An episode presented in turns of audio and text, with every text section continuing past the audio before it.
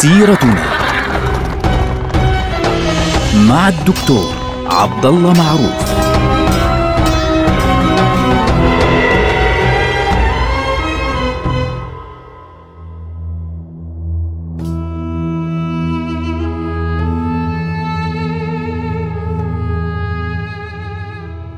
السلام عليكم ورحمة الله وبركاته. سيرتنا سيرة هذه الأمة العظيمة ونحن الآن في عهد الدولة العثمانية وتحديدا في عهد السلطان محمود الثاني.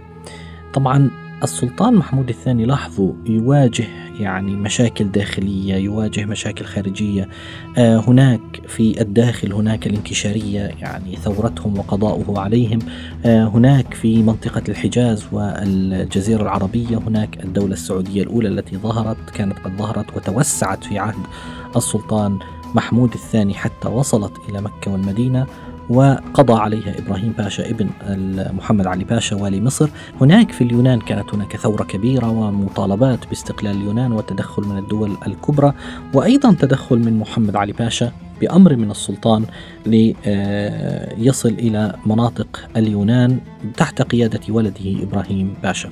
لاحظوا عندنا كثير من الحالات عندنا فيها اسم محمد علي باشا اللي هو أمير مصر أو والي مصر فعليا وتكلمنا عنه في حلقة ماضية حلقة خاصة بمحمد علي باشا آه الذي استلم الحكم فعليا في أيام آه سليم الثالث في أيام السلطان سليم الثالث. محمد علي باشا على فكرة رجل كان عنده آه نظرة توسعية كبيرة وكان عنده طموح واسع. يعني هو لم يكن فقط مهتما بمصر هو دخل إلى السودان وضمها إلى حكمه وكان يرى أن وصول ابنه إلى الحجاز وتمكنه من بسط السيطرة العثمانية عليها يعطيه يدا فعليا في الحجاز إضافة إلى منطقة اليونان. فكانت الفكرة عنده تتمحور حول قضية التوسع بشكل كبير. الذي يهمنا هنا إنه محمد علي باشا كان مهتما جدا بتوسيع جيشه وإنشاء أسطول كبير جدا. وكان يرى أن واحدة من أهم الاحتياجات التي يريدها وتحتاجها دولته هي التمدن على الطريقة الأوروبية وإقامة المشاريع التي كانت تقوم على الأسس الأوروبية في البناء والتعمير بشكل كبير جدا. ولكن المالية الموجودة في مصر لم تكن تكفي لإعمار هذه المشاريع الكبيرة جدا خاصة الأسطول البحري والمدافع والبنادق وغيرها.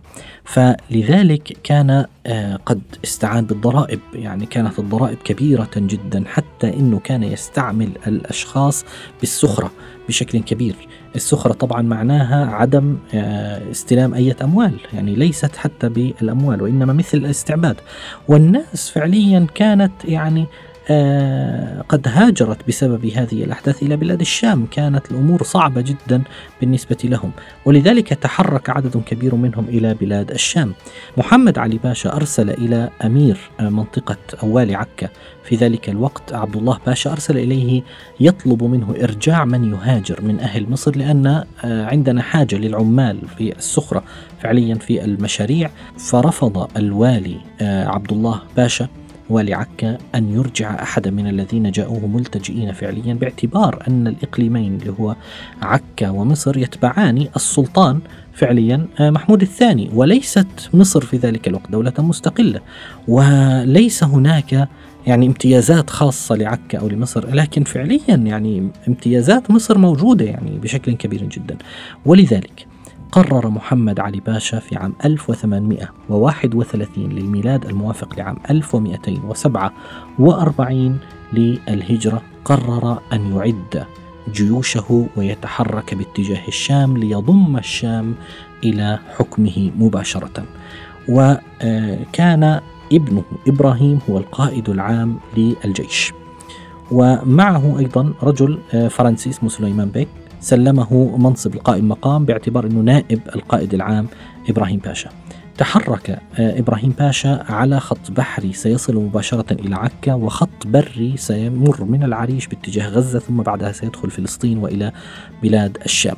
فتحرك هذا الرجل باتجاه مدينة عكا ابتداء من يوم الثاني من شهر تشرين الأول نوفمبر 11 عام 1831 للميلاد الموافق للسادس والعشرين من جماد الأولى عام 1247 للهجرة باتجاه مدينة حيفا في فلسطين.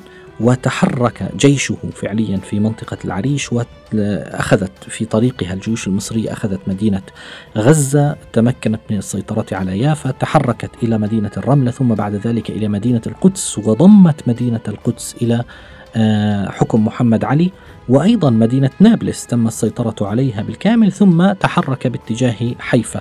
وأما البحر فكان إبراهيم باشا طبعا كان قادما بالبحر هو فتحرك باتجاه عكا فوصل إلى مدينة حيفا وأسس هناك قاعدته الأساسية ومستودعه الأساسي ثم تحرك باتجاه مدينة عكا فحاصرها برا وبحرا ابتداء من يوم السادس والعشرين من نفس الشهر اللي هو شهر نوفمبر من عام 1831 فبالتالي البحر والبر كانت عكا فيه محاصرة. طبعا نحن لا ننسى إنه قبل 32 سنة من هذه الأحداث كان نابليون بونابرت عام 1799 يحاصر مدينة عكا وفشل بالفعل أمام مدينة عكا لأن مدينة عكا حاصرها بالفعل نابليون بونابرت من جهة البر ولم يستطع أن يحاصرها بالكامل من جهة البحر فحوصرت المدينة برا وبحرا. وصلت الأخبار إلى السلطان محمود الثاني. بأن محمد علي باشا أرسل جيشه باتجاه مدينة عكا وأخذ مدينة القدس في طريقه ونابلس وغزة وكل هذه المدن الفلسطينية. فاعتبر ذلك عصيانا من محمد علي وأرسل مباشرة إلى والي حلب. عثمان باشا آه، يطلب منه أن آه، يتحرك لمحاربة المصريين.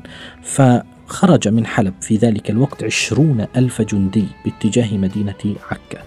لكن إبراهيم باشا لم يعطه الفرصة لكي يصل إليه في مدينة عكا فترك عددا قليلا من جنده ليحاصر المدينة وتحرك هو بمعظم جيشه ليلاقي الجيش العثماني بقيادة والي حلب عثمان باشا. فالتقى الجيشان قريبا من مدينة حمص وانتصر جيش المصريين جيش إبراهيم باشا على العثمانيين لأنه كان جيش منظم بالكامل ثم عاد إبراهيم باشا وتمكن بالفعل من دخول مدينة عكا عاد إلى عكا وحاصرها ودخلها بالقوة الموافق للسابع والعشرين من ذي الحجة من عام 1247 للهجرة وأما آه، عبد الله آه، باشا اللي هو والي عكا فأرسله إلى مصر أسيرا في ذلك الوقت.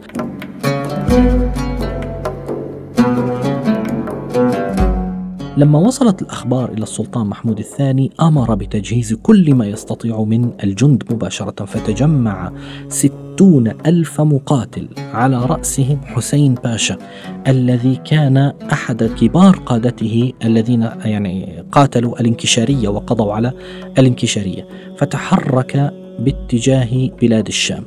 لكن إبراهيم باشا طبعا كان مستعدا لمواجهته فتغلب عليه في أول معركة قريبة من مدينة حلب في يوم التاسع والعشرين من شهر يونيو اللي هو شهر 6 عام 1832 ودخل بالتالي مدينة عكا في السابع من شهر يوليو اللي هو 7 7 يعني من عام 1832 كانت 18 صفر 1248 للهجرة. فلما وصلت الأخبار بأن مقدمة الجيش العثماني هزمت وصلت الأخبار إلى حسين باشا تراجع حسين باشا باتجاه منطقة جبال طوروس. فلحقه إبراهيم باشا مباشرة وتحرك باتجاهه وقضى عليه وفرق جنده في كل مكان في التاسع والعشرين من شهر سبعة من ذلك العام 1832 طبعا كانت كارثة كبيرة لأنه نتكلم عن حوالي 60 ألف جندي. فالسلطان أمر بجيش جديد. أن يتجمع وأعطى رئاسته إلى رجل اسمه رشيد باشا. ورشيد باشا هذا الرجل يعني خبرته كانت عالية جدا في منطقة اليونان فتحرك باتجاه آه، إبراهيم باشا الذي كان في ذلك الوقت قد وصل في الحقيقة إلى أضنة. يعني وصل إلى بعد ذلك إلى قونيا يعني وصل إلى قونيا صار قريب جدا على القسطنطينية. فالتقى آه، قريبا من مدينة قونيا الجيشان جيش إبراهيم باشا. وجيش رشيد باشا. فانتصر إبراهيم باشا على رشيد باشا وأخذه أسيرا. كان ذلك يوم العشرين من شهر ديسمبر هو شهر 12 عام 1832 فالسلطان محمود علم أن هذا الأمر يمكن أن يؤدي لاحقا إلى آه، القضاء على الدولة العثمانية بالكامل، يعني يمكن أن يكون هدف إبراهيم باشا ومن ورائه أبوه فعليا أن يتحرك باتجاه منطقة آه، الاسيتانا يعني مباشرة إلى إسطنبول. فالدول الأوروبية لما وصلتها هذه الأنباء خشيت حقيقة من محمد علي باشا. يعني كانت تخشى من أن السيطرة سيطرة محمد علي باشا على الدولة العثمانية بالكامل يعني إذا وصل إلى إسطنبول وأسقط حكم آه، بني عثمان وأخذ الخلافة لنفسه الخلافة الإسلامية لنفسه يمكن أن تضطرب الأمور في آه، أوروبا لماذا؟ لأن الدولة العثمانية كانت في فترة ضعف فإذا ظهرت شخصية قوية تستلم الحكم في ذلك الوقت وتقضي على الدولة العثمانية كان يمكن أن يحدث في ذلك انقلاب كبير في هذه المنطقة فعليا. طبعا حتى روسيا التي كانت يعني تقاتل الدولة العثمانية كانت تخشى حقيقة من هذا الأمر ولذلك عرضت على الدولة العثمانية آه، أن تساعدها وفعلا أنزلت عددا من الجند لحماية إسطنبول حقيقة من محمد علي باشا. ففرنسا وإنجلترا في المقابل خافت من تدخل روسيا وأرسلت إلى السلطان محمود الثاني تطلب منه أن يتفق مع محمد علي باشا وتحذره من أن وصول الروس فعليا إلى إسطنبول يعني دخول روسيا إلى الدولة العثمانية بالكامل. ولذلك حدثت يعني مجموعة من المراسلات بين السلطان محمود من ناحية وبين إبراهيم باشا ومن ورائه طبعا محمد علي باشا. انتهى الأمر فعليا على توقيع معاهدة اسمها معاهدة كوتاهية بموجب هذه المعاهدة كانت آه، مصر ثبتت تماما لمحمد علي باشا ويكون محمد علي باشا أيضا واليا على ولايات الشام الأربع كلها اللي هي ولاية دمشق ولاية حلب ولاية طرابلس وولاية عكا. وأيضا يكون أميرا وواليا على جزيرة كريت وابنه إبراهيم يكون واليا على إقليم أضنة. وفعلا صدر فرمان من السلطان فعليا بذلك آه، في الخامس من شهر مايو اللي هو خمسة عام 1833 وانتهى الأمر على ذلك فعليا. طبعا السلطان محمود كان يريد من ذلك فقط تأجيل هذه القضية إلى حرب لاحقة. طبعا هو خشي من هذه الأحداث ولكنه انتظر حتى اللحظة المناسبة. وفعلا في اللحظة المناسبة فعليا في عام 1837 بدأت تحركات الدولة العثمانية بقيادة السلطان آه، محمود الثاني. للقضاء على هذه الدولة الوليدة التي ظهرت في قلب الدولة العثمانية لدولة محمد علي باشا وولده إبراهيم باشا.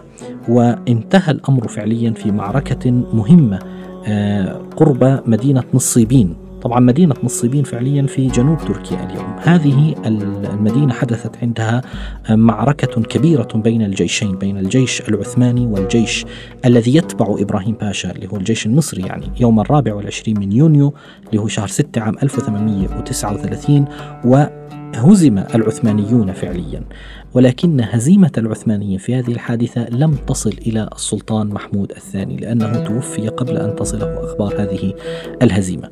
وستستمر الأمور على ذلك حتى عهد السلطان عبد المجيد الأول. نلقاكم على خير والسلام عليكم.